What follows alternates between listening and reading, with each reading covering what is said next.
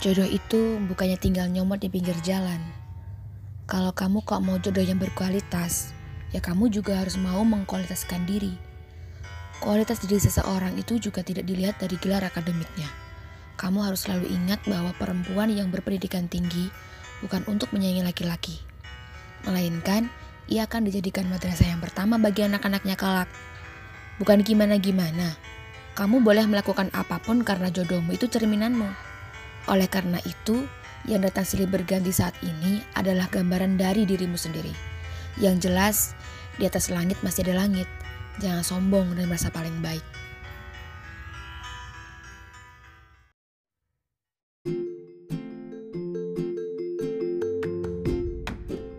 Oke, assalamualaikum warahmatullahi wabarakatuh. Welcome back to my podcast. Asik. Tadi udah dengerin kan gimana melodi dalam puisiku aduh yang begitu puitis gitu Oke okay guys, kita akan bahas tentang jodoh. Jodoh itu sangat-sangat enak, asik kalau dibahas.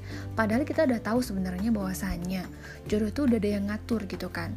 Mengenai lahir, kemudian rezeki, hidup, mati gitu maupun jodoh merupakan misteri serta takdir Tuhan yang tak bisa diprediksi begitu aja. Walau kita udah berusaha keras dan berdoa untuk mendapatkan terbaik dari itu semua, pada dasarnya ketetapan Allah tetaplah segala-galanya. Sementara apa pun itu hasilnya, kita harus senantiasa menerimanya dengan perasaan ikhlas serta lapang dada. Kalau berbicara mengenai takdir, khususnya jodoh, nampaknya pembicara ini sangat panjang dan seolah tidak ada habisnya, ya kan? Ya, jodoh adalah suatu hal yang begitu dinantikan banyak orang, khususnya mereka yang masih jomblo atau single ting ting. Meski banyak dari kita yang masih jomblo alias single mengatakan gak apa-apa jomblo, toh aku bahagia atau hashtagnya gak apa-apa jomblo, toh aku merasa nyaman dan banyak yang suka. Gak apa-apa jomblo, yang penting aku bermartabat. Banyak kan hashtag-hashtag seperti itu. Saya yakin bahwa dari hati yang paling dalam tersimpan rasa, rasa rindu teramat dalam dan berharap bahwa sang jodoh akan segera datang. Ya kan pasti kalian kayak gitu. Apalagi nih ya, ketika teman sepantaran kita telah menemukan jodoh atau pasangan masing-masing, juga ketika orang sekitar senantiasa bertanya, kapan nyusul? Kapan nih kamu udah nikah? Kapan bapak dan ibumu bisa bertemu dengan calon mantu? Kapan, kapan, kapan, kapan, dan kapan ya kan? Apalagi ini bentar lagi. Itu kan apa Idul Fitri ya kan biasanya ditanyain tuh kapan gitu besok kalau nggak Sabtu Minggu kali ya kalau nggak hujan Jujur aja hal ini tentu akan membuat kamu merasa risih. Jadi lebih lebih mikir mengenai jodoh dan juga lebih gundah ya kan bikin galau, shy. Jika kamu udah mulai gundah akan datangnya jodoh, tenangkanlah hati kamu dan percaya bahwa Allah telah menyiapkan rencana yang terindah. Tak kunjung ketemu jodoh pun berarti nggak laku, tapi kedengarannya pepatah ini cukup kasar sih. Tapi kalau kita ambil sisi positifnya, pepatah ini tuh bener adanya. Seseorang yang belum juga bertemu jodohnya, belum tentu dia tak laku atau tidak ada yang mau menikah dengannya. Mungkin aja seseorang tersebut memang belum berpikir untuk serius berumah tangga karena ia masih punya tanggungan lain seperti halnya nyelesain pendidikannya gitu loh, nyelesain sekolahnya, S1, S2 gitu kan, mendapatkan pekerjaan yang layak atau karena ia memang sedang ingin berjuang untuk keluarganya alias bapak ibunya lebih dulu. Uh, seseorang yang belum juga bertemu jodohnya bisa saja memiliki impian yang masih harus ia capai sebelum akhirnya ia benar-benar memutuskan untuk melepas masa lajangnya. Bisa juga orang ini tuh sedang memilih seseorang yang benar-benar sesuai dengan kata hatinya dan sepemikiran dengannya. Visi misi itu penting guys. Walau terkadang untuk mencintai bisa dipelajari, bukankah mencintai akan sangat mengesankan bila ia tumbuh secara misteri tanpa disadari. Hello guys, kita harus mikir, yang numbuhkan cinta itu Allah. Walaupun ada artis ganteng atau artis cantik, kalau misalnya kita nggak suka ya udah nggak suka. Yang numbuhkan sayang, numbuhkan senang itu kan Allah ya kan. Nah, setiap orang pasti akan bertemu dengan jodohnya. Kapan pun dan di mana pun itu, setiap orang pasti akan bertemu dengan jodohnya. Kalau memang tak bertemu di dunia, mungkin Tuhan telah siapkan jodoh terbaiknya di surga.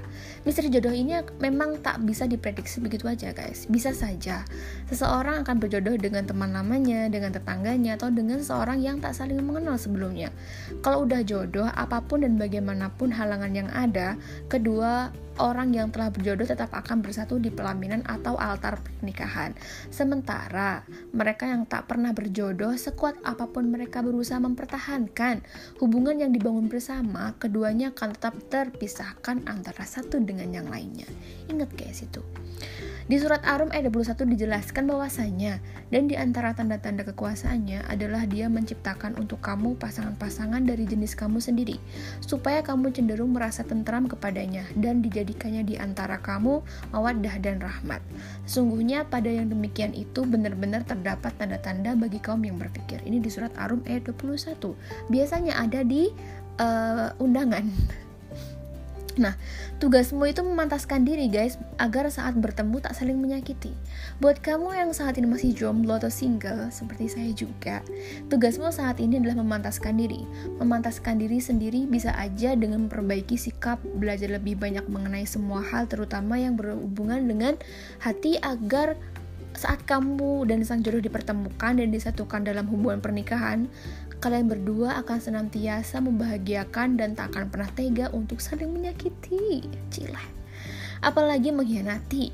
Tuhan telah berjanji bahwa seorang yang baik maka ia juga akan disandingkan dengan pasangan yang baik pula daripada masa jomblo atau single yang ada sekarang digunakan untuk banyak mengeluh ya kan? Sambat, merana dan gundah alangkah baiknya guys.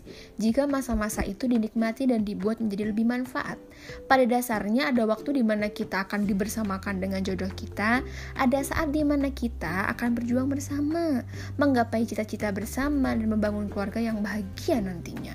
Senantiasa tersenyumlah untuk menyambut datangnya jodoh yang telah ditetapkan oleh Allah dan terimalah dengan perasaan tulus ikhlas karenanya. Jadi kita bersyukur dengan apa yang dikasih sama Allah ke kita.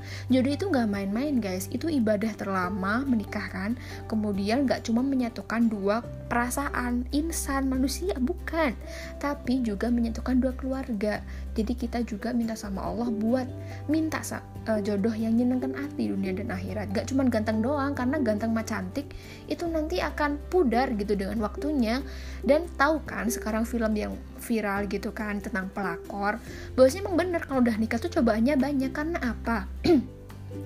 setan itu, setan itu kalau misalkan ada orang yang nikah itu bakal nangis gak seneng sama orang nikah makanya dia suka juga sering berjanji kalau misalkan aku akan memisahkan dua orang itu di pernikahan nanti. Nah kalau cinta kita nggak kuat didasari dari ilmu agama, didasari dengan cinta yang tulus, ya bisa bubrah kita ya kan uzubillah gitu loh. Jadi ya persiapkan kita per, uh, pantaskan diri kita. Kalau pengen kayak Rasulullah ya hodijahkanlah kita ya kan bagi perempuan. Bagi yang laki-laki pengen dapat yang kayak Sayyidah Hodijah ya muhammadkanlah diri kita dalam artian perbaiki yang lebih baik. Karena Allah akan ngasih sekufu dengan kita biar apa? Biar adanya romantisme dan keluarga biar adanya sakinah mawadah warohmah cile udah kayak ini ya apa ceramah di pernikahan ibu? Ya gitu aja lah. Jadi mungkin ini dulu lah ya tentang jodoh. Kalau misalkan bahas jodoh tuh nggak akan selesai saya kan? Ini dulu aja. Mungkin dapat saya obrolkan. Semoga bisa manfaat Terima kasih. See you on my next podcast. Assalamualaikum warahmatullahi wabarakatuh.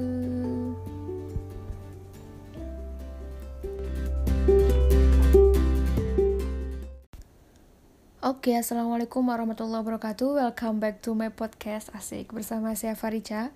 Uh, di sini saya akan mengungkap atau berbicara tentang perempuan karir atau wanita karir dalam kacamata agama dan uh, apa namanya sosial.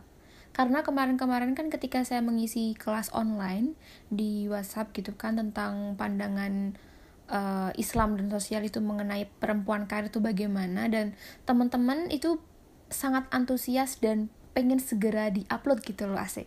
Jadi bikinlah podcast jadi saya bikin podcast tentang perempuan karir dalam kacamata pandangan Islam dan agama asik. Oke okay guys jadi gini ya dalam sejarah perkembangan manusia, kaum perempuan selalu menghadapi tantangan yang berat, sekalipun jumlah mereka itu setengah populasi manusia. Namun peran mereka belum bisa dikatakan setara dengan keberadaannya. Sejumlah langkah telah dilakukan oleh para aktivis perempuan untuk memperbaiki keadaan. Dan hingga kini, perjuangan tersebut tuh tampaknya masih akan berlangsung lama. Peristiwa-peristiwa penting dalam perjuangan ini diperingati baik secara lokal untuk mengingatkan dan menyegarkan kembali upaya memperjuangkan perempuan seperti tanggal 8 Maret yang diperingati sebagai Hari Perempuan Internasional. Nah, Rasulullah sendiri dalam sejarah kenabiannya melakukan revolusi terhadap posisi perempuan dari kultur masyarakat jahiliyah yang menempatkan perempuan sebagai makhluk tak berdaya menjadi memiliki kemuliaan, masya Allah. Jadi itu masa jahiliyah adalah masa kegelapan bagi perempuan. Banyak bayi perempuan yang dibunuh karena dianggap membawa sial. Perlakuan yang tidak senonoh kepada istri sampai dengan seks bebas. Rasulullah memerintahkan umat Islam untuk memuliakan perempuan dengan memperlakukannya secara baik. Nah, pada sejumlah peradaban kuno, perempuan dianggap sebagai makhluk kelas 2. Bahkan dalam banyak kebudayaan mereka dianggap sebagai harta milik yang tidak bisa menentukan nasibnya sendiri. Memiliki bayi perempuan itu dianggap sebagai kekurang beruntungan jika dibandingkan dengan bayi laki-laki. Seiring dengan perkembangan ilmu pengetahuan dan munculnya para intelektual perempuan, upaya-upaya perjuangan nasib terus berlangsung dan dalam proses yang panjang tersebut, kini telah terdapat capaian yang cukup besar dibandingkan dengan masa lalu. Sebelumnya mereka tidak berhak memilih jodoh, memiliki harta benda, atau hak politik, bahkan tidak memiliki akses untuk belajar. Pada zamannya, hal tersebut dianggap sebagai sebuah hal yang normal sampai munculnya para aktivis perempuan yang pantang menyerah memperjuangkan nasib kaumnya. Kini kesadaran untuk meningkatkan peran dan memaksimalkan potensi yang ada dalam diri perempuan meningkat dengan pesat.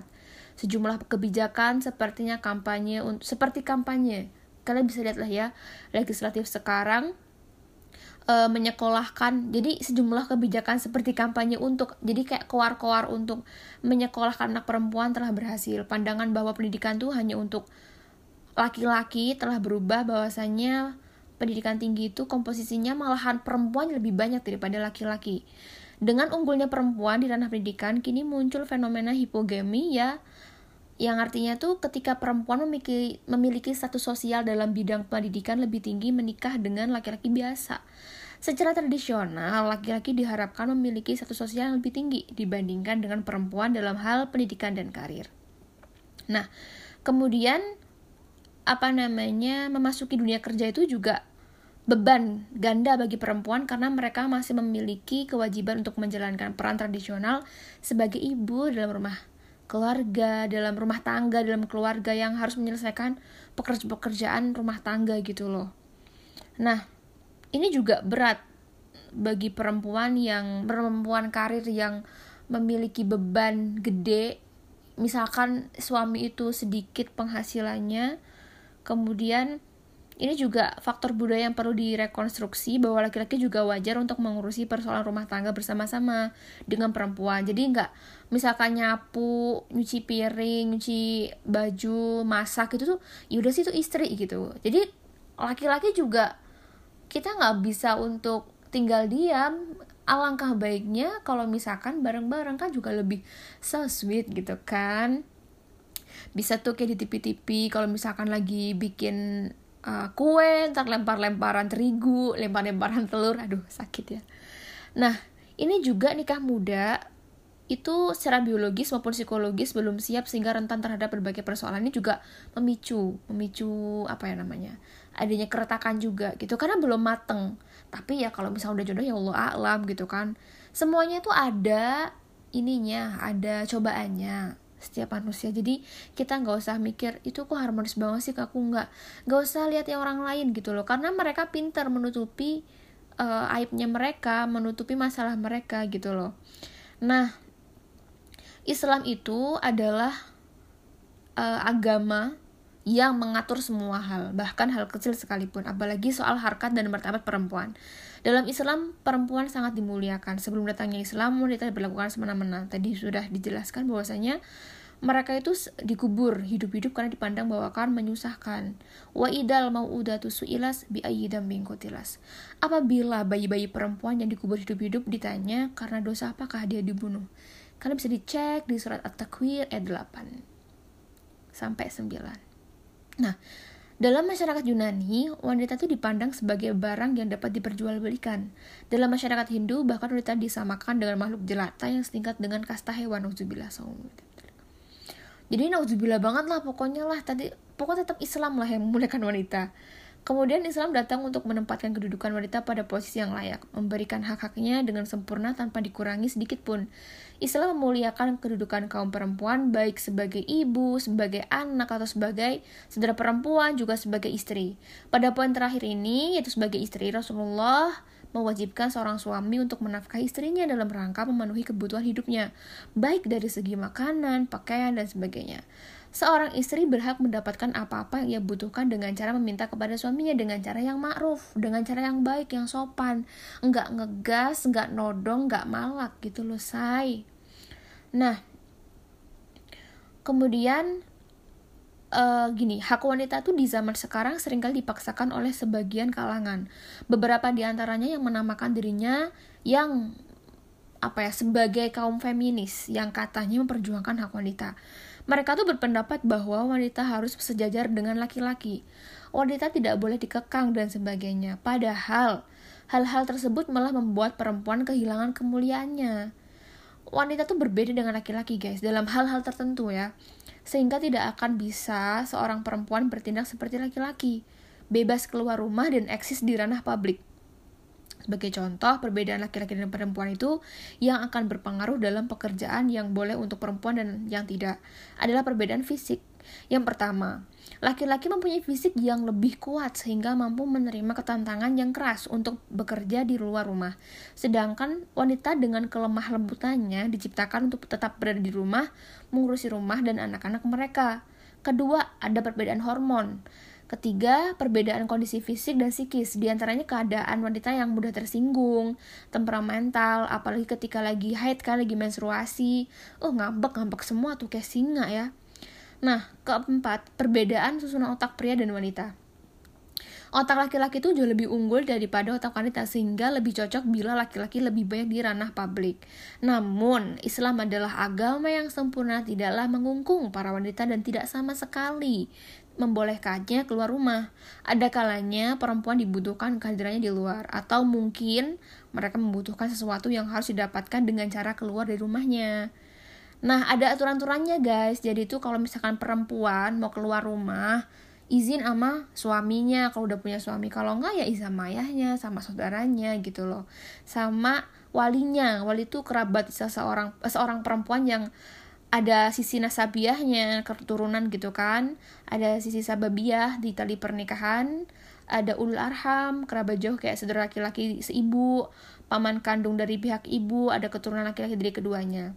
Dan dari sisi pemimpinnya itu hakim dalam pernikahan atau yang mempunyai wewenang seperti hakim. Nah pakainya juga syari dalam artian nggak menggoda iman nggak ting pelontot gitu loh. Kayak apa ya kayak lemper nggak yang terawang yang tebal terus yang nggak warnanya tuh menggoda iman. Kalau jalan juga nggak lenggak-lenggok kayak goda gitu. Niatnya pokoknya ditata dulu deh kalau mau keluar. Perempuan tuh bener-bener dijaga sama Allah dijaga sama Al-Quran dijaga sama Islam. Gimana kita tuh bener-bener mulia. Ini diperjuangkan Rasulullah banget loh dari dulu guys. Nah kemudian nggak juga pakai parfum yang menggoda juga gitu loh Nah, ini biar aman dari fitnah, guys. Maksudnya itu, ketika perempuan keluar rumah, menginjakan kaki keluar rumah sampai kembali ke rumah tuh mereka aman.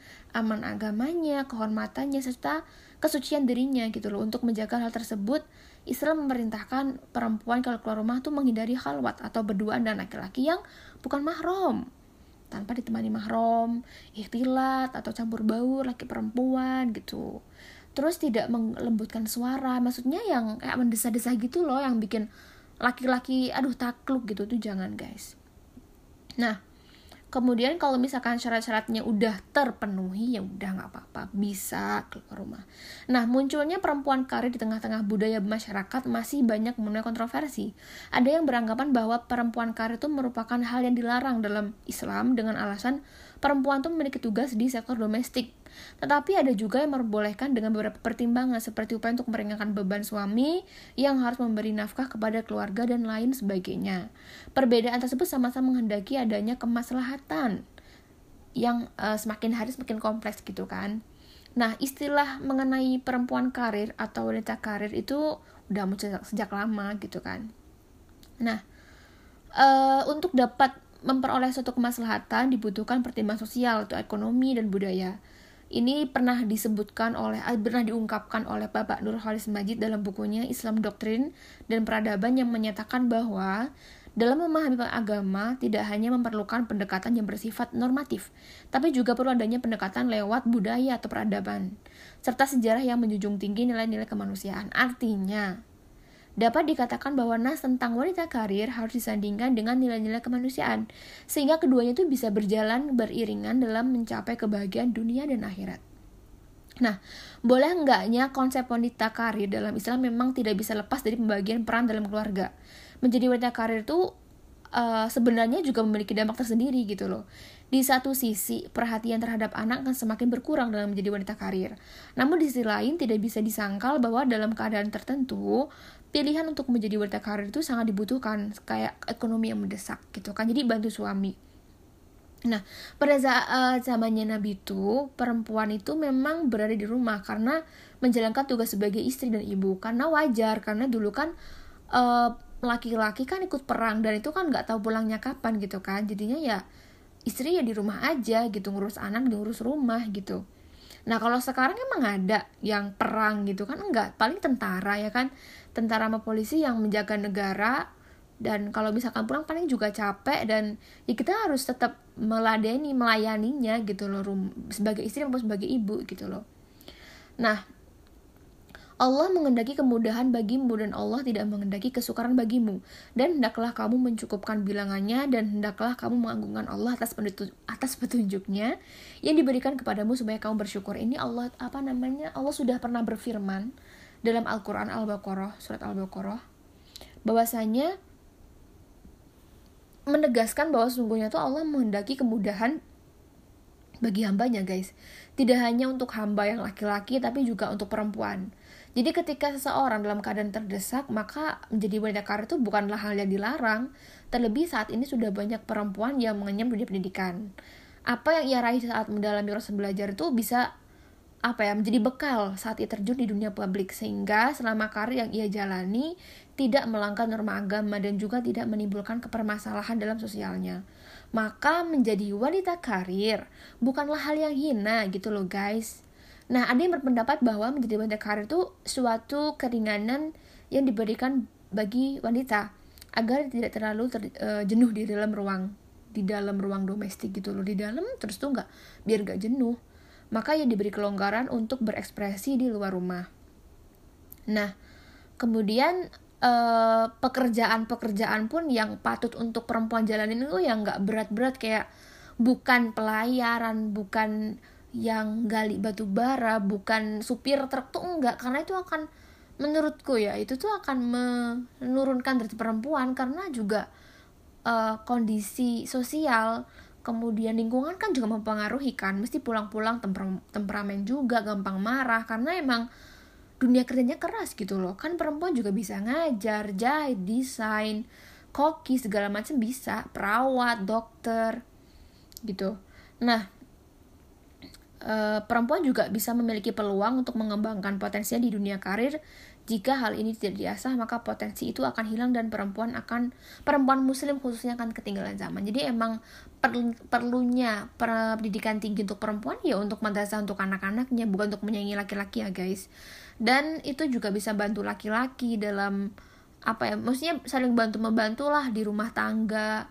Kemudian kita harus selalu bersyukur dan per, apa namanya pekerjaan yang pekerjaan tuh banyak gitu loh kita bisa milih karena hidup juga pilihan kan jadi kita bisa milih mana ya, pekerjaan yang cocok untuk kita mana yang enggak gitu loh Nah, kemudian melihat beberapa petunjuk nas yang menganjurkan umat untuk berbuat baik serta perubahan sosial dan budaya di tengah-tengah masyarakat modern, maka menjadi wanita karir bukanlah hal yang tidak patut dihargai karena ia juga berjuang untuk membangun peradaban yang lebih baik melalui pengabdiannya. Sehingga Pandangan bahwa wanita yang berkarir adalah hina sebaiknya dihilangkan guys agar kemaslahatan manusia senantiasa terjaga dan tumbuh subur di bumi Allah. Jadi uh, apa namanya kita harus benar-benar pintar milih pekerjaan, jaga diri, jaga kehormatan, terlebih kita perempuan muslim yang sudah diperjuangkan Rasulullah mengenai uh, tingginya derajat kita sebagai perempuan, sebagai ibu kita juga memiliki surga di telapak kaki kikinya, di telapak kaki kita.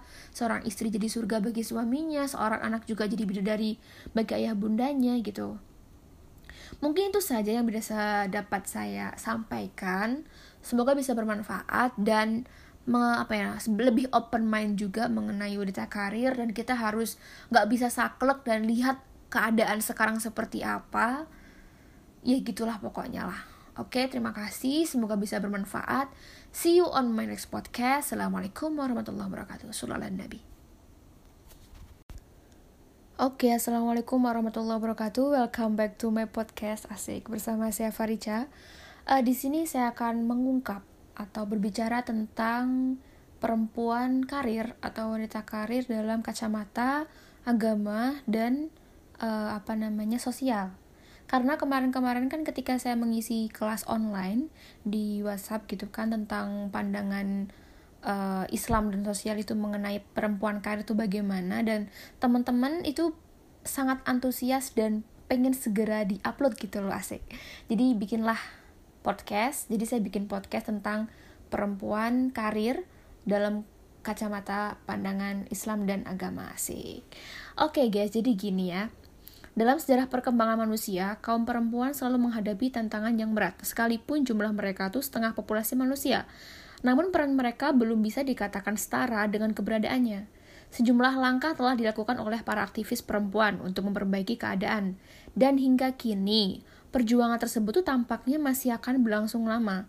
Peristiwa penting dalam perjuangan ini diperingati baik secara lokal untuk mengingatkan dan menyegarkan kembali upaya memperjuangkan perempuan seperti tanggal 8 Maret yang diperingati sebagai Hari Perempuan Internasional Nah, Rasulullah sendiri dalam sejarah kenabiannya melakukan revolusi terhadap posisi perempuan. Dari kultur masyarakat jahiliyah yang menempatkan perempuan sebagai makhluk tak berdaya, menjadi memiliki kemuliaan, Masya Allah. Jadi itu masa jahiliyah adalah masa kegelapan bagi perempuan. Banyak bayi perempuan yang dibunuh karena dianggap membawa sial. Perlakuan yang tidak senonoh kepada istri sampai dengan seks bebas. Rasulullah memerintahkan umat Islam untuk memuliakan perempuan dengan memperlakukannya secara baik. Nah, pada sejumlah peradaban kuno, perempuan dianggap sebagai makhluk kelas 2. Bahkan dalam banyak kebudayaan mereka dianggap sebagai harta milik yang tidak bisa menentukan nasibnya sendiri. Memiliki bayi perempuan itu dianggap sebagai kekurang beruntungan jika dibandingkan dengan bayi laki-laki. Seiring dengan perkembangan ilmu pengetahuan dan munculnya para intelektual perempuan, upaya-upaya perjuangan nasib terus berlangsung dan dalam proses yang panjang tersebut, kini telah terdapat capaian yang cukup besar dibandingkan dengan masa lalu. Sebelumnya mereka tidak berhak memilih jodoh, memiliki harta benda, atau hak politik, bahkan tidak memiliki akses untuk belajar. Pada zamannya, hal tersebut dianggap sebagai sebuah hal yang normal sampai munculnya para aktivis perempuan yang pantang menyerah memperjuangkan nasib kaumnya. Kini kesadaran untuk meningkatkan peran dan memaksimalkan potensi yang ada dalam diri perempuan meningkat dengan pesat. Sejumlah kebijakan sepertinya kampanye seperti kampanye. Kalian bisa lihatlah ya, legislatif sekarang uh, menyekolahkan. Jadi sejumlah kebijakan seperti kampanye untuk jadi kayak koar-koar untuk menyekolahkan anak perempuan telah berhasil. Pandangan bahwa pendidikan tuh hanya untuk laki-laki telah berubah bahwasannya pendidikan tinggi itu komposisinya malahan perempuan lebih banyak daripada laki-laki. Dengan unggulnya perempuan di ranah pendidikan kini muncul fenomena hipogami ya yang artinya tuh ketika perempuan memiliki, memiliki status sosial dalam bidang pendidikan lebih tinggi menikah dengan laki-laki biasa. Secara tradisional, laki-laki diharapkan memiliki status sosial yang lebih tinggi dibandingkan dengan perempuan dalam hal pendidikan dan karir. Nah, kemudian apa namanya memasuki dunia kerja itu juga beban ganda bagi perempuan karena mereka masih memiliki kewajiban untuk menjalankan peran tradisional sebagai ibu dalam rumah keluarga, dalam rumah tangga, dalam keluarga yang harus menyelesaikan pekerjaan rumah tangga gitu loh. Nah, ini juga berat bagi perempuan yang perempuan karir yang memiliki beban gede.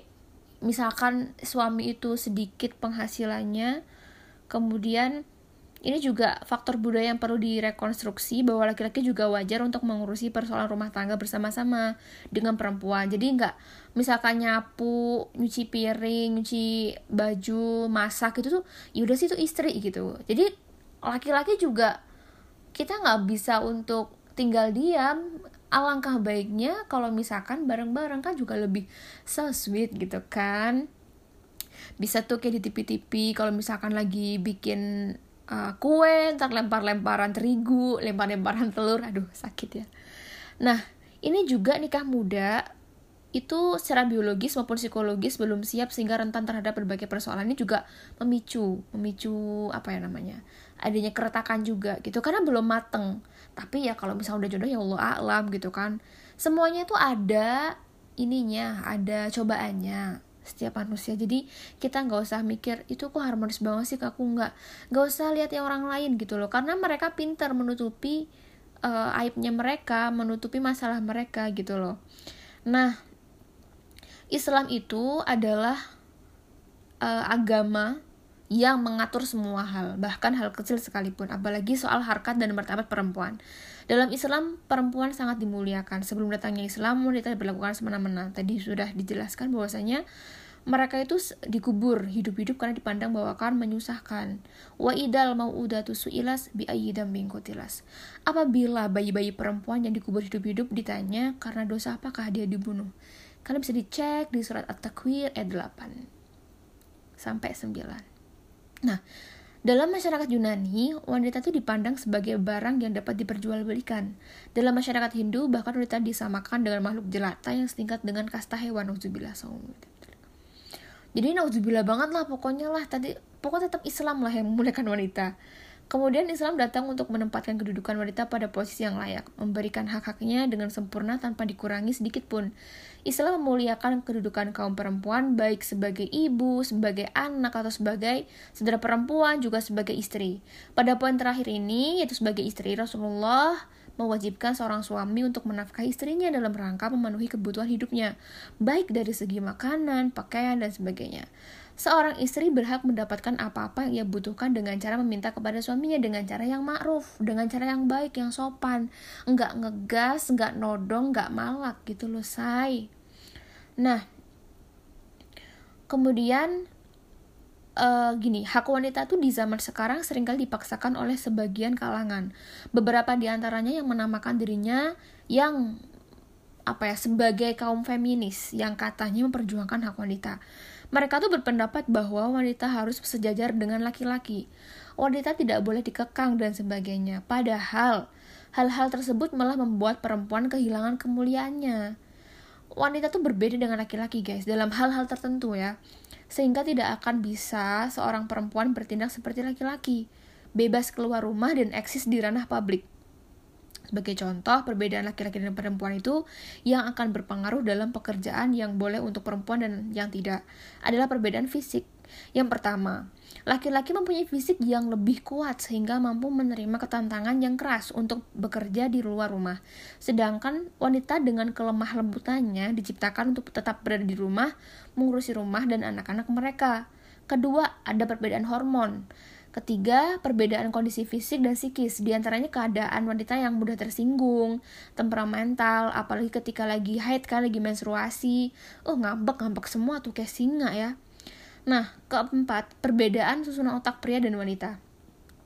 Otak laki-laki itu jauh lebih unggul daripada otak wanita sehingga lebih cocok bila laki-laki lebih banyak di ranah publik.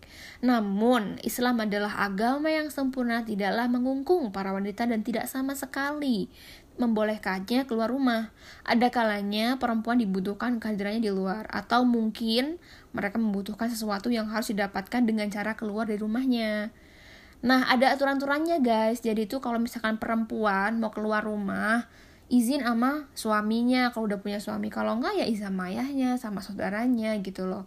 Sama walinya. Wali itu kerabat seseorang seorang perempuan yang ada sisi nasabiahnya keturunan gitu kan. Ada sisi sababiah di tali pernikahan. Ada ulul arham kerabat jauh kayak saudara laki-laki seibu paman kandung dari pihak ibu ada keturunan laki-laki dari keduanya. Dan dari sisi pemimpinnya itu hakim dalam pernikahan atau yang mempunyai wewenang seperti hakim. Nah pakainya juga syari dalam artian nggak menggoda iman nggak ting pelontot gitu loh. Kayak apa ya kayak lemper nggak yang terawang yang tebel terus yang nggak warnanya tuh menggoda iman. Kalau jalan juga nggak lenggak-lenggok kayak goda gitu. Niatnya pokoknya ditata dulu deh kalau mau keluar. Perempuan tuh bener-bener dijaga sama Allah dijaga sama Al-Quran dijaga sama Islam. Gimana kita tuh bener-bener mulia. Ini diperjuangkan Rasulullah banget loh dari dulu guys. Nah kemudian nggak juga pakai parfum yang menggoda juga gitu loh Nah, ini biar aman dari fitnah, guys. Maksudnya itu, ketika perempuan keluar rumah, menginjakan kaki keluar rumah sampai kembali ke rumah tuh mereka aman. Aman agamanya, kehormatannya serta kesucian dirinya gitu loh. Untuk menjaga hal tersebut, Islam memerintahkan perempuan kalau keluar rumah tuh menghindari khalwat atau berduaan dan laki-laki yang bukan mahram tanpa ditemani mahram, ikhtilat atau campur baur laki perempuan gitu terus tidak melembutkan suara. Maksudnya yang kayak mendesah-desah gitu loh yang bikin laki-laki aduh takluk gitu. Tuh jangan guys. Nah kemudian kalau misalkan syarat-syaratnya udah terpenuhi ya udah nggak apa-apa. Bisa keluar rumah. Nah munculnya perempuan karir di tengah-tengah budaya masyarakat masih banyak menuai kontroversi. Ada yang beranggapan bahwa perempuan karir itu merupakan hal yang dilarang dalam Islam dengan alasan perempuan tuh memiliki tugas di sektor domestik tetapi ada juga yang memperbolehkan dengan beberapa pertimbangan seperti upaya untuk meringankan beban suami yang harus memberi nafkah kepada keluarga dan lain sebagainya. Perbedaan tersebut sama-sama menghendaki adanya kemaslahatan yang uh, semakin hari semakin kompleks gitu kan. Nah, istilah mengenai perempuan karir atau wanita karir itu udah muncul sejak, lama gitu kan. Nah, uh, untuk dapat memperoleh suatu kemaslahatan dibutuhkan pertimbangan sosial atau ekonomi dan budaya. Ini pernah disebutkan oleh eh, pernah diungkapkan oleh Bapak Nur Khalis Majid dalam bukunya Islam Doktrin dan Peradaban yang menyatakan bahwa dalam memahami agama tidak hanya memerlukan pendekatan yang bersifat normatif, tapi juga perlu adanya pendekatan lewat budaya atau peradaban, serta sejarah yang menjunjung tinggi nilai-nilai kemanusiaan. Artinya, dapat dikatakan bahwa nas tentang wanita karir harus disandingkan dengan nilai-nilai kemanusiaan, sehingga keduanya itu bisa berjalan beriringan dalam mencapai kebahagiaan dunia dan akhirat. Nah, boleh enggaknya konsep wanita karir dalam Islam memang tidak bisa lepas dari pembagian peran dalam keluarga menjadi wanita karir itu uh, sebenarnya juga memiliki dampak tersendiri gitu loh. Di satu sisi, perhatian terhadap anak akan semakin berkurang dalam menjadi wanita karir. Namun di sisi lain, tidak bisa disangkal bahwa dalam keadaan tertentu, pilihan untuk menjadi wanita karir itu sangat dibutuhkan, kayak ekonomi yang mendesak gitu kan. Jadi bantu suami. Nah, pada saat uh, zamannya Nabi itu, perempuan itu memang berada di rumah karena menjalankan tugas sebagai istri dan ibu. Karena wajar, karena dulu kan uh, laki-laki kan ikut perang dan itu kan nggak tahu pulangnya kapan gitu kan jadinya ya istri ya di rumah aja gitu ngurus anak ngurus rumah gitu nah kalau sekarang emang ada yang perang gitu kan enggak paling tentara ya kan tentara sama polisi yang menjaga negara dan kalau misalkan pulang paling juga capek dan ya kita harus tetap meladeni melayaninya gitu loh sebagai istri maupun sebagai ibu gitu loh nah Allah mengendaki kemudahan bagimu dan Allah tidak mengendaki kesukaran bagimu. Dan hendaklah kamu mencukupkan bilangannya dan hendaklah kamu menganggungkan Allah atas atas petunjuknya yang diberikan kepadamu supaya kamu bersyukur. Ini Allah apa namanya? Allah sudah pernah berfirman dalam Al-Qur'an Al-Baqarah, surat Al-Baqarah bahwasanya menegaskan bahwa sungguhnya tuh Allah menghendaki kemudahan bagi hambanya guys. Tidak hanya untuk hamba yang laki-laki tapi juga untuk perempuan. Jadi ketika seseorang dalam keadaan terdesak, maka menjadi wanita karir itu bukanlah hal yang dilarang. Terlebih saat ini sudah banyak perempuan yang mengenyam dunia pendidikan. Apa yang ia raih saat mendalami proses belajar itu bisa apa ya menjadi bekal saat ia terjun di dunia publik sehingga selama karir yang ia jalani tidak melanggar norma agama dan juga tidak menimbulkan kepermasalahan dalam sosialnya. Maka menjadi wanita karir bukanlah hal yang hina gitu loh guys. Nah, ada yang berpendapat bahwa menjadi wanita karir itu suatu keringanan yang diberikan bagi wanita agar tidak terlalu ter, uh, jenuh di dalam ruang di dalam ruang domestik gitu loh di dalam terus tuh nggak biar nggak jenuh maka yang diberi kelonggaran untuk berekspresi di luar rumah. Nah kemudian uh, pekerjaan-pekerjaan pun yang patut untuk perempuan jalanin itu yang nggak berat-berat kayak bukan pelayaran bukan yang gali batu bara bukan supir truk tuh enggak karena itu akan menurutku ya itu tuh akan menurunkan derajat perempuan karena juga uh, kondisi sosial kemudian lingkungan kan juga mempengaruhi kan. Mesti pulang-pulang temper temperamen juga gampang marah. Karena emang dunia kerjanya keras gitu loh. Kan perempuan juga bisa ngajar jahit desain koki segala macam bisa. Perawat dokter gitu. Nah e, perempuan juga bisa memiliki peluang untuk mengembangkan potensinya di dunia karir.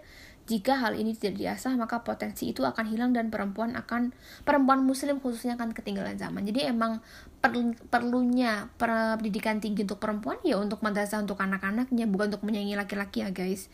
Dan itu juga bisa bantu laki-laki dalam apa ya? Maksudnya saling bantu membantu lah di rumah tangga.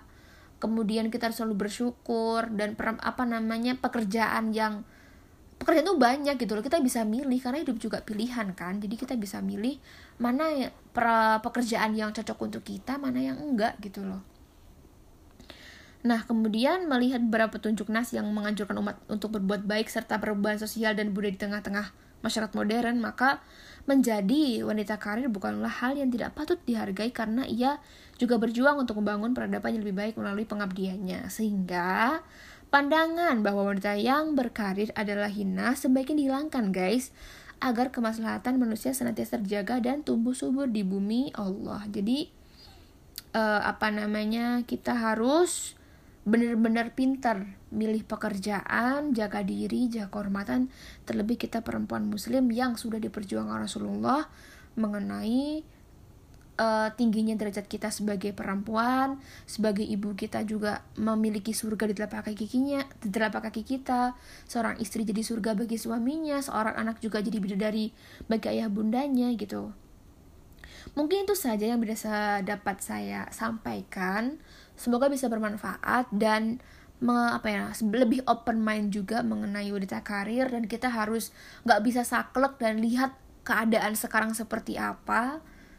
Ya gitulah pokoknya lah. Oke terima kasih. Semoga bisa bermanfaat. See you on my next podcast. Assalamualaikum warahmatullahi wabarakatuh. Sallallahu nabi Oke, Assalamualaikum warahmatullahi wabarakatuh. Welcome back to my podcast. Asik. Bersama saya Farica.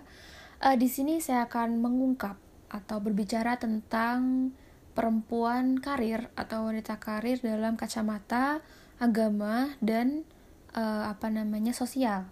Karena kemarin-kemarin kan ketika saya mengisi kelas online di WhatsApp gitu kan tentang pandangan uh, Islam dan sosial itu mengenai perempuan karir itu bagaimana dan teman-teman itu sangat antusias dan pengen segera diupload gitu loh asik.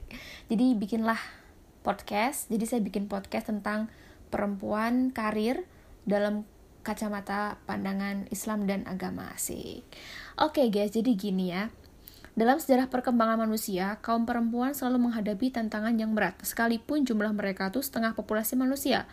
Namun peran mereka belum bisa dikatakan setara dengan keberadaannya. Sejumlah langkah telah dilakukan oleh para aktivis perempuan untuk memperbaiki keadaan. Dan hingga kini, perjuangan tersebut tuh tampaknya masih akan berlangsung lama. Peristiwa penting dalam perjuangan ini diperingati baik secara lokal untuk mengingatkan dan menyegarkan kembali upaya memperjuangkan perempuan seperti tanggal 8 Maret yang diperingati sebagai Hari Perempuan Internasional.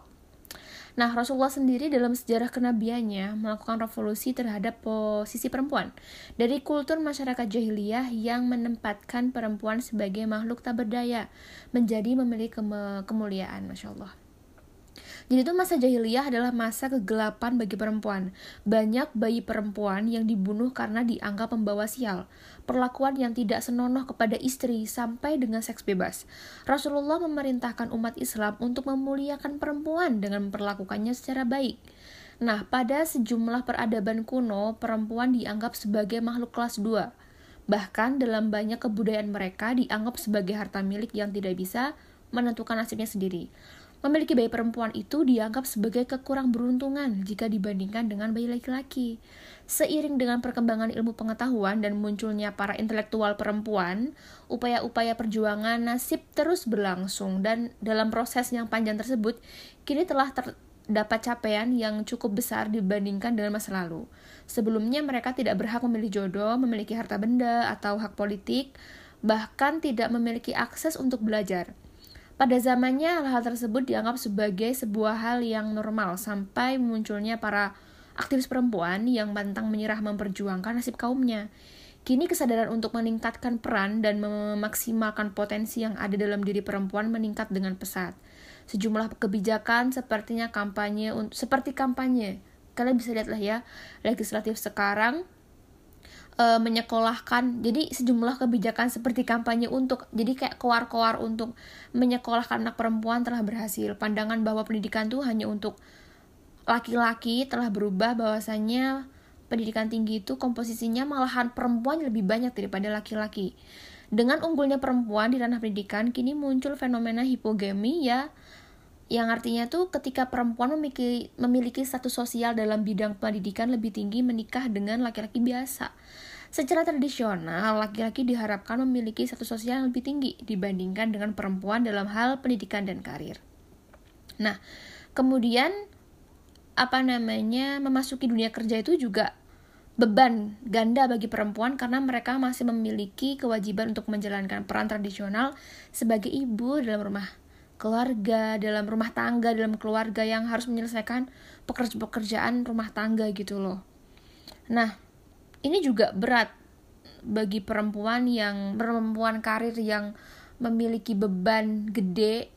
Misalkan suami itu sedikit penghasilannya, kemudian ini juga faktor budaya yang perlu direkonstruksi bahwa laki-laki juga wajar untuk mengurusi persoalan rumah tangga bersama-sama dengan perempuan. Jadi nggak misalkan nyapu, nyuci piring, nyuci baju, masak itu tuh ya udah sih itu istri gitu. Jadi laki-laki juga kita nggak bisa untuk tinggal diam.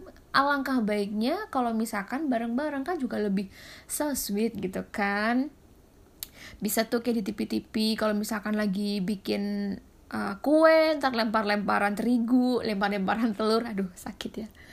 Nah, ini juga nikah muda itu secara biologis maupun psikologis belum siap sehingga rentan terhadap berbagai persoalan ini juga memicu, memicu apa ya namanya, adanya keretakan juga gitu karena belum mateng. Tapi ya kalau misalnya udah jodoh ya Allah alam gitu kan. Semuanya itu ada ininya, ada cobaannya setiap manusia. Jadi kita nggak usah mikir itu kok harmonis banget sih aku nggak nggak usah lihat yang orang lain gitu loh. Karena mereka pintar menutupi uh, aibnya mereka menutupi masalah mereka gitu loh. Nah Islam itu adalah uh, agama yang mengatur semua hal, bahkan hal kecil sekalipun, apalagi soal harkat dan martabat perempuan. Dalam Islam, perempuan sangat dimuliakan. Sebelum datangnya Islam, wanita diperlakukan semena-mena. Tadi sudah dijelaskan bahwasanya mereka itu dikubur hidup-hidup karena dipandang bahwa akan menyusahkan. Wa idal mau udatu suilas bi ayyidam bingkotilas. Apabila bayi-bayi perempuan yang dikubur hidup-hidup ditanya karena dosa apakah dia dibunuh. Kalian bisa dicek di surat At-Takwir ayat 8 sampai 9. Nah, dalam masyarakat Yunani, wanita itu dipandang sebagai barang yang dapat diperjualbelikan. Dalam masyarakat Hindu, bahkan wanita disamakan dengan makhluk jelata yang setingkat dengan kasta hewan. Nauzubillah. Jadi nauzubillah banget lah pokoknya lah tadi pokoknya tetap Islam lah yang memuliakan wanita. Kemudian Islam datang untuk menempatkan kedudukan wanita pada posisi yang layak, memberikan hak-haknya dengan sempurna tanpa dikurangi sedikit pun. Islam memuliakan kedudukan kaum perempuan baik sebagai ibu, sebagai anak atau sebagai saudara perempuan juga sebagai istri. Pada poin terakhir ini yaitu sebagai istri Rasulullah mewajibkan seorang suami untuk menafkahi istrinya dalam rangka memenuhi kebutuhan hidupnya, baik dari segi makanan, pakaian dan sebagainya. Seorang istri berhak mendapatkan apa-apa yang ia butuhkan dengan cara meminta kepada suaminya dengan cara yang ma'ruf, dengan cara yang baik, yang sopan. Enggak ngegas, enggak nodong, enggak malak gitu loh, say. Nah, kemudian uh, gini, hak wanita tuh di zaman sekarang sering kali dipaksakan oleh sebagian kalangan. Beberapa di antaranya yang menamakan dirinya yang apa ya sebagai kaum feminis yang katanya memperjuangkan hak wanita. Mereka tuh berpendapat bahwa wanita harus sejajar dengan laki-laki. Wanita tidak boleh dikekang dan sebagainya. Padahal, hal-hal tersebut malah membuat perempuan kehilangan kemuliaannya. wanita tuh berbeda dengan laki-laki guys dalam hal-hal tertentu ya sehingga tidak akan bisa seorang perempuan bertindak seperti laki-laki bebas keluar rumah dan eksis di ranah publik sebagai contoh, perbedaan laki-laki dan perempuan itu yang akan berpengaruh dalam pekerjaan yang boleh untuk perempuan dan yang tidak adalah perbedaan fisik. Yang pertama, laki-laki mempunyai fisik yang lebih kuat sehingga mampu menerima ketantangan yang keras untuk bekerja di luar rumah. Sedangkan wanita dengan kelemah lembutannya diciptakan untuk tetap berada di rumah, mengurusi rumah dan anak-anak mereka. Kedua, ada perbedaan hormon. Ketiga, perbedaan kondisi fisik dan psikis, di antaranya keadaan wanita yang mudah tersinggung, temperamental, apalagi ketika lagi haid kan, lagi menstruasi. Oh, ngambek-ngambek semua tuh kayak singa ya. Nah, keempat, perbedaan susunan otak pria dan wanita. Otak laki-laki itu jauh lebih unggul daripada otak wanita sehingga lebih cocok bila laki-laki lebih banyak di ranah publik. Namun, Islam adalah agama yang sempurna tidaklah mengungkung para wanita dan tidak sama sekali membolehkannya keluar rumah. Ada kalanya perempuan dibutuhkan kehadirannya di luar, atau mungkin mereka membutuhkan sesuatu yang harus didapatkan dengan cara keluar dari rumahnya. Nah, ada aturan-aturannya guys. Jadi itu kalau misalkan perempuan mau keluar rumah, izin sama suaminya kalau udah punya suami. Kalau enggak ya izin sama ayahnya, sama saudaranya gitu loh. Sama walinya. Wali itu kerabat seseorang seorang perempuan yang ada sisi nasabiahnya keturunan gitu kan ada sisi sababiah di tali pernikahan. Ada ulul arham kerabat jauh kayak saudara laki-laki seibu paman kandung dari pihak ibu ada keturunan laki-laki dari keduanya. Dan dari sisi pemimpinnya itu hakim dalam pernikahan atau yang mempunyai wewenang seperti hakim. Nah pakainya juga syari dalam artian nggak menggoda iman nggak ting pelontot gitu loh. Kayak apa ya kayak lemper nggak yang terawang yang tebal terus yang nggak warnanya tuh menggoda iman. Kalau jalan juga nggak lenggak-lenggok kayak goda gitu. Niatnya pokoknya ditata dulu deh kalau mau keluar. Perempuan tuh bener-bener dijaga sama Allah dijaga sama Al-Quran dijaga sama Islam. Gimana kita tuh bener-bener mulia. Ini diperjuangkan Rasulullah banget loh dari dulu guys. Nah kemudian nggak juga pakai parfum yang menggoda juga gitu loh Nah, ini biar aman dari fitnah, guys. Maksudnya itu, ketika perempuan keluar rumah, menginjakan kaki keluar rumah sampai kembali ke rumah tuh mereka aman. Aman agamanya, kehormatannya serta kesucian dirinya gitu loh. Untuk menjaga hal tersebut, Islam memerintahkan perempuan kalau keluar rumah tuh menghindari khalwat atau berduaan dan laki-laki yang bukan mahram tanpa ditemani mahram, ikhtilat atau campur baur laki perempuan gitu terus tidak melembutkan suara. Maksudnya yang kayak mendesa-desa gitu loh yang bikin laki-laki aduh takluk gitu. Tuh jangan guys. Nah kemudian kalau misalkan syarat-syaratnya udah terpenuhi ya udah nggak apa-apa. Bisa keluar rumah. Nah munculnya perempuan karir di tengah-tengah budaya masyarakat masih banyak menuai kontroversi.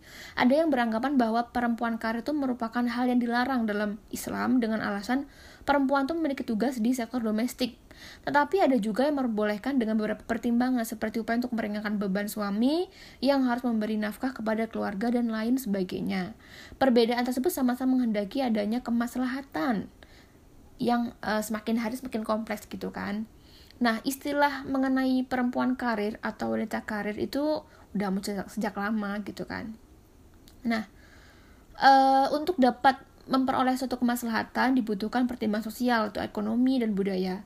Ini pernah disebutkan oleh eh, pernah diungkapkan oleh Bapak Nur Khalis Majid dalam bukunya Islam Doktrin dan Peradaban yang menyatakan bahwa dalam memahami agama tidak hanya memerlukan pendekatan yang bersifat normatif, tapi juga perlu adanya pendekatan lewat budaya atau peradaban, serta sejarah yang menjunjung tinggi nilai-nilai kemanusiaan. Artinya, dapat dikatakan bahwa nas tentang wanita karir harus disandingkan dengan nilai-nilai kemanusiaan, sehingga keduanya itu bisa berjalan beriringan dalam mencapai kebahagiaan dunia dan akhirat.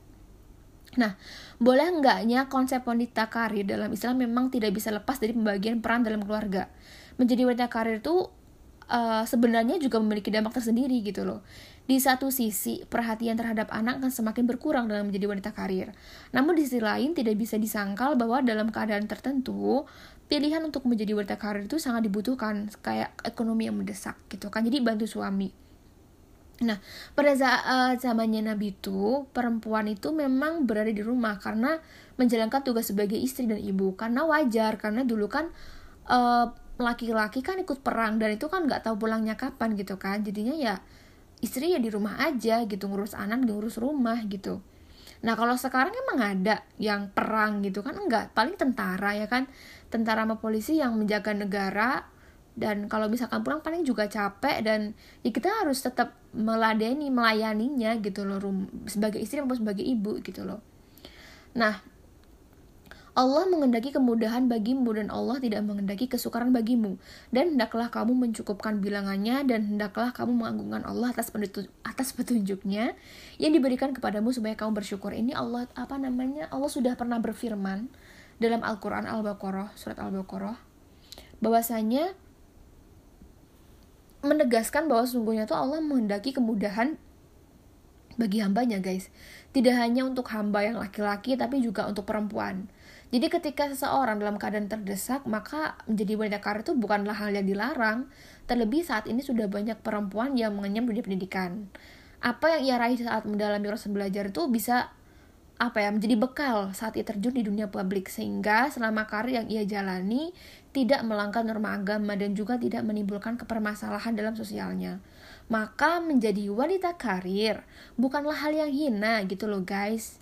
Nah, ada yang berpendapat bahwa menjadi wanita karir itu suatu keringanan yang diberikan bagi wanita agar tidak terlalu ter, uh, jenuh di dalam ruang di dalam ruang domestik gitu loh di dalam terus tuh nggak biar nggak jenuh maka yang diberi kelonggaran untuk berekspresi di luar rumah. Nah kemudian uh, pekerjaan-pekerjaan pun yang patut untuk perempuan jalanin itu yang nggak berat-berat kayak bukan pelayaran bukan yang gali batu bara bukan supir truk tuh enggak karena itu akan menurutku ya itu tuh akan menurunkan derajat perempuan karena juga uh, kondisi sosial kemudian lingkungan kan juga mempengaruhi kan. Mesti pulang-pulang temper temperamen juga gampang marah. Karena emang dunia kerjanya keras gitu loh. Kan perempuan juga bisa ngajar jahit desain koki segala macam bisa. Perawat dokter gitu. Nah e, perempuan juga bisa memiliki peluang untuk mengembangkan potensinya di dunia karir. Jika hal ini tidak diasah, maka potensi itu akan hilang dan perempuan akan perempuan muslim khususnya akan ketinggalan zaman. Jadi emang perlu, perlunya pendidikan tinggi untuk perempuan ya untuk madrasah untuk anak-anaknya, bukan untuk menyaingi laki-laki ya guys. Dan itu juga bisa bantu laki-laki dalam apa ya, maksudnya saling bantu membantu lah di rumah tangga.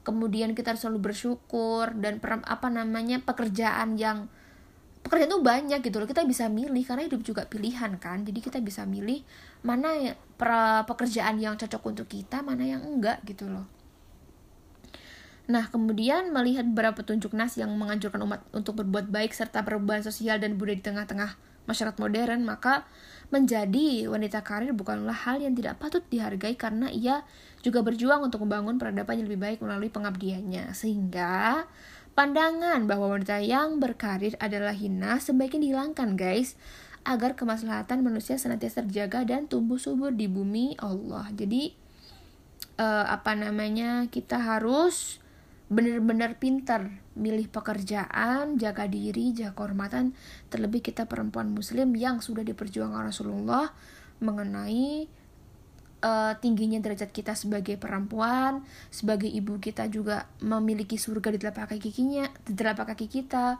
Seorang istri jadi surga bagi suaminya, seorang anak juga jadi bidadari bagi ayah bundanya gitu. Mungkin itu saja yang bisa dapat saya sampaikan. Semoga bisa bermanfaat dan me, apa ya lebih open mind juga mengenai wanita karir dan kita harus nggak bisa saklek dan lihat keadaan sekarang seperti apa. Ya gitulah pokoknya lah. Oke terima kasih. Semoga bisa bermanfaat.